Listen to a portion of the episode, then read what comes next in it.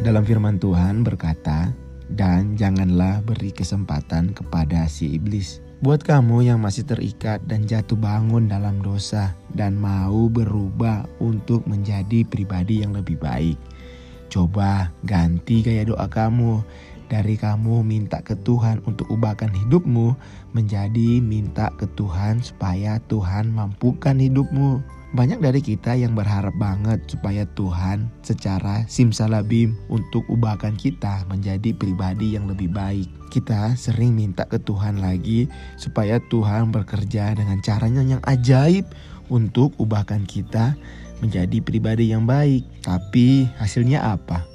Tetap terikat, tetap jatuh lagi. Mulailah berubah. Minta Tuhan mampukan untuk hidup kita berubah. Artinya apa?